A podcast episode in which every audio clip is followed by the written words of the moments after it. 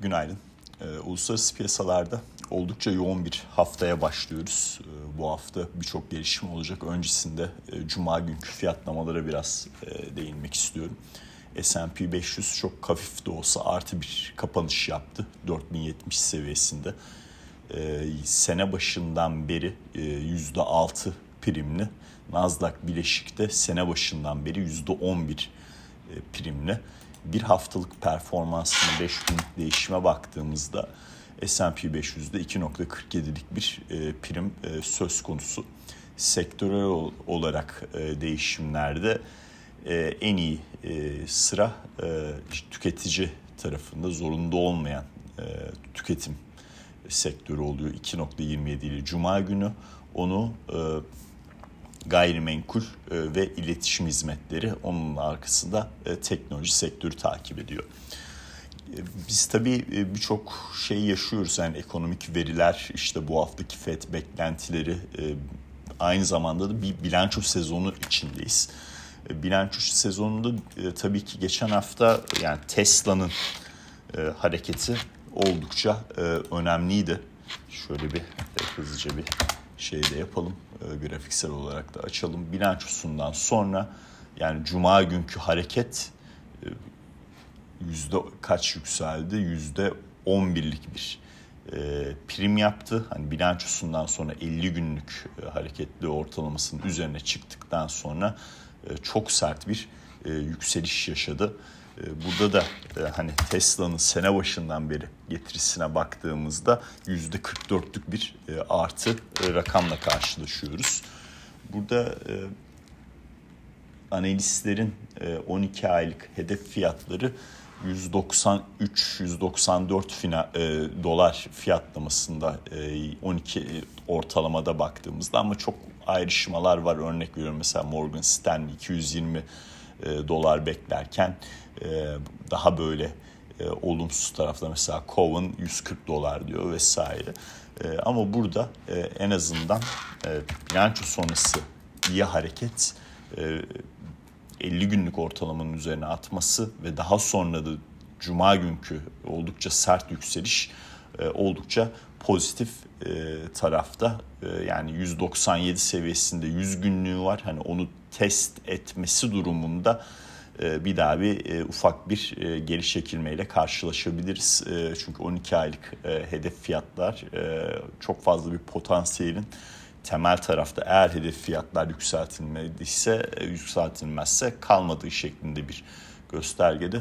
Dolayısıyla FED toplantısına kadar, çarşamba günkü FED toplantısına kadar ekonomik veriler tarafında da ters de kalmazsak e, yükseliş hareketi burada bir süre daha devam e, edecektir tabii ki. Şimdi ekonomik verilerde e, Cuma günü tabii Tesla'ya gelen alımlar diğer e, yani endeks tarafına da olumlu yansıyor normal olarak. Ekonomik veri tarafında Cuma günü Fed'in e, ana enflasyon endeksi olan PCE verisi açıklandı. Yani bu veri beklentilere paralel. E, kişisel e, gelirler, kişisel harcamalar e, tarafı da beklentileri açıkçası paralel bir yapıda geldi. Bir önceki veriler sadece aşağı revize edilmiş ve kişisel harcamalarda ki gerilemeler son iki ayda oldukça dikkat çekici tabii ki daha eksi bir rakam e, görüyoruz. E, harcama miktarı azalıyor aylık bazda. Diğer tarafta işte e, gelir kısmı e, sabit bir şekilde beklentilere paralel artış yaşıyor. Bu harcamaların düşmesi e, tabii ekonomik görünüm ve ekonomik risklerle de alakalı bir yapıda. E, şimdi benim e, en çok e, dikkatimi çeken olay ise e, saat 6'da yani aslında endeksleri e, deki pozitif hareketi yaratan bence veri o oldu. Cuma günü saat 6'daki e, işte Michigan Üniversitesi Güven Endeksi kırılımında bir yıllık enflasyon beklentisinin 3.9'a gerilemesi %4'ten ilk defa yani uzun bir süre sonra üçlü e, rakamlar gördük e, arkadaşlar. Burada hani şöyle bir bakıyorum en son ne zaman üçlü bir rakam görmüşüz diye yani bir sene öncesinden bile belki daha fazla gitmem gerekecek. Bakalım yani 2022'de üçlü bir rakam yok. 2021'in Nisan ayında var. 3.4. Ondan sonra hep dörtlü rakamlar veya beşli rakamlar söz konusu. Uzun zamandan sonra bir yıllık e, tüketicilerin enflasyon beklentisinde üçlü bir rakamla karşılaştık. Bu da tabii e, otomatikman piyasadaki risk algısını e, toparladı, e, daha yükseltti ve S&P 500'ü de e, işte 4070 seviyesinde bir kapanış yaptırdı diyebiliriz. Teknik olarak baktığımda S&P 500'e e, yani beni mutlu eden taraf haftalık e, haftalık grafikte 50 haftanın üzerinde bir kapanış yapmış olmamız. Yani bu 50 haftalık üzerinde bir kapanışı en son 2022 Nisan ayında e, görmüştük ve işte 2022'deki iki tane ana e, ayı piyasası rallisi e, bittiği nokta bu 50 haftalık ortalama olmuştu. Onun üzerine çıktık. E, 4200 seviyesi tabii bu hafta e, gelişmeler çok. Hani e, yön belirtmek kolay değil. E, 4200 seviyesi haftalık grafikte en azından hedef gibi gözüküyor. E, ama dediğim gibi e, bu haftaki gelişmeler e, ana gidişatı tabii ki e, belli edecek. E, nedir hani bunları dedikten sonra bir söyleyelim. Şimdi FED toplantısını alacağız e, çarşamba günü. E, Perşembe günü Avrupa Merkez Bankası e, toplantısı var, faiz kararı var. İngiltere Merkez Bankası faiz kararı var. Ekonomik veri açıklamalarında ABD tarafında ISM verilerini alacağız. Yeni açık iş pozisyonları verisini alacağız. Cuma günü tarım dışı istihdam verisi söz konusu. E, keza Avrupa'da gene PMI verileri mesela bugün e, büyüme tarafında da mesela Almanya'nın büyüme verisini alacağız e, bugün. E, Çin tarafında da PMI verisini alacağız. Doğal olarak birçok hem Merkez Bankası toplantısı hem de ekonomik toplantıları hem de ekonomik veri tarafında büyüme bazlı, enflasyon bazlı birçok gelişme var açıkçası. Bir saniyenizi rica ediyorum. Bir de üstüne tabii yani hem ekonomik veriler açıklanacak, büyüme bazlı, enflasyon bazlı, hem merkez bankaları faiz kararları hem de üstüne üstlük e, bilanço açıklamaları var. Yani bu hafta Perşembe günü Apple, e, Amazon ve e, Google'dan rakamları alacağız. Çarşamba günü Facebook rakamlarını açıklayacak.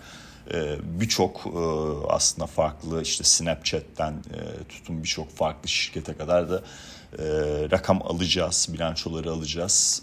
Onunla ilgili benim ilgimi çeken şey şu. Yani dördüncü çeyrek rakamlarına verilen tepkiler şimdiye kadar pozitif. Netflix tarafı pozitifti, Tesla tarafı pozitifti. Tabii ki birçok sektör var, olumsuz ayrışanlar var ama en azından endeksler tarafında hareketi daha belli edecek e, isimlerden e, açıklamalar sonrası iyi performanslar görüyoruz. Ee, burada dördüncü çeyrekte e, iki tane konu var işte bir dolar endeksinin gevşemesi, iki e, işte Çin'in yeniden açılması noktası. Hani burada e, cirosu %50'den fazla yurt dışından gelen yani ABD'den gelen şirketlerde tabii doğal olarak daha iyi bir aslında kar rakamı bekleniyor olması lazım e, sadece Amerika pazarına odaklanan e, şirketlerdense veya %50'den fazlası Amerika pazarında olan e, cirosunun şirketlerdense e, bu şimdiye kadar pek öyle e, şimdiye kadar demeyeyim beklentileri de dahil ettiğimizde pek öyle değil. E, yani burada tabii e, teknoloji şirketlerinin e, global ekonomideki o dördüncü çeyrekte artan resesyon riskleriyle beraber karlarında ilgili e, kötü beklentiler de hakim. E, dolayısıyla bu haftanın üzerinde bir miktar bu beklentilerin de törpülenmesi ve korkulduğu kadar kötü olmayan bir yapıda da e, olduğu da karşımıza çıkabilir. Yani Apple ve Amazon'dan iyi bir eğer hisse performansı alırsak e, özünde açıklamalar sonrası bu endeksler için pozitif e, gerçekleşecek. Yani her gün e, tek tek beklentilerimi paylaşacağım arkadaşlar. O yüzden hani sadece genel bir yapıyı size söyleyeyim. Hani FED'den 25 bas puanlık bir artış artık cepte. Hani onun dışında Powell'ın basın toplantısı bence asıl değişken olacak. Finansal koşulları e, ne kadar e, serbest bırakmaya okey e, o tarafı bir miktar e, incelememiz daha gerekecek, anlamamız gerekecek. E, iki Avrupa Merkez Bankası 50 bas puan artış yapar.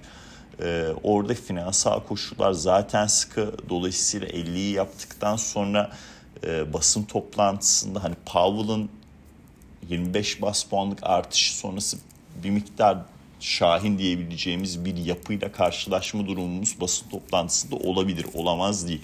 Finansal koşullar nedeniyle ama e, ECB tarafında e, 50 bas puanlık artış sonrası biraz daha böyle e, az şahin e, denileceğimiz yapıda bir basın toplantısıyla da karşılaşabiliriz. E, dolayısıyla e, ben e, merkez bankalarının kararları ve basın toplantıları noktalarını bir miktar e, birbirinin tersi yapıda olabileceğini düşünüyorum açıkçası bu hafta. E, izleyip göreceğiz. E, onun dışında da e, işte şirket bilançoları tarafında yani Amazon, Apple, Google, Facebook önemli. Burada Facebook tarafı olumlu geçebilir. Neden? Bu TikTok'un yasaklanma durumu da söz konusu e, ABD tarafında kullanımının yani o, o tarafta da e, bazı adımlar var. E, şu anda yüzde yüz gerçekleşmiş durum değil ama bunu e, işte politika tarafı görüşecek en azından. E, bu tabii e, Meta'ya, Facebook'a oldukça olumlu e, yansır. E, dolayısıyla e, bilanço sonrası e, orada belki e, bir pozitif hareket görmek e, mantıklı bir e, nokta olabilir diye düşünüyorum. Daha e, o e, beklentileri tarafında e, böyle bir etkinin olası etki e, olası karlılığı üzerindeki yorumlanmasında e, eğer e, belirtirse tabii e, ve böyle bir soru gelirse ki ben gelecektir yani yatırımcı toplantısında e, bu bence önemli bir değişim olacak değişken olacaktır diye düşünüyorum. E, Ekonomik verilerde e, tarım dışı istihdam verisi tabii en önemli Cuma günü. E, yani e, bir noktada artık arkadaşlar istihdamda bir bozulma görmemiz lazım. Bunu daha göremiyoruz ama şöyle düşünün.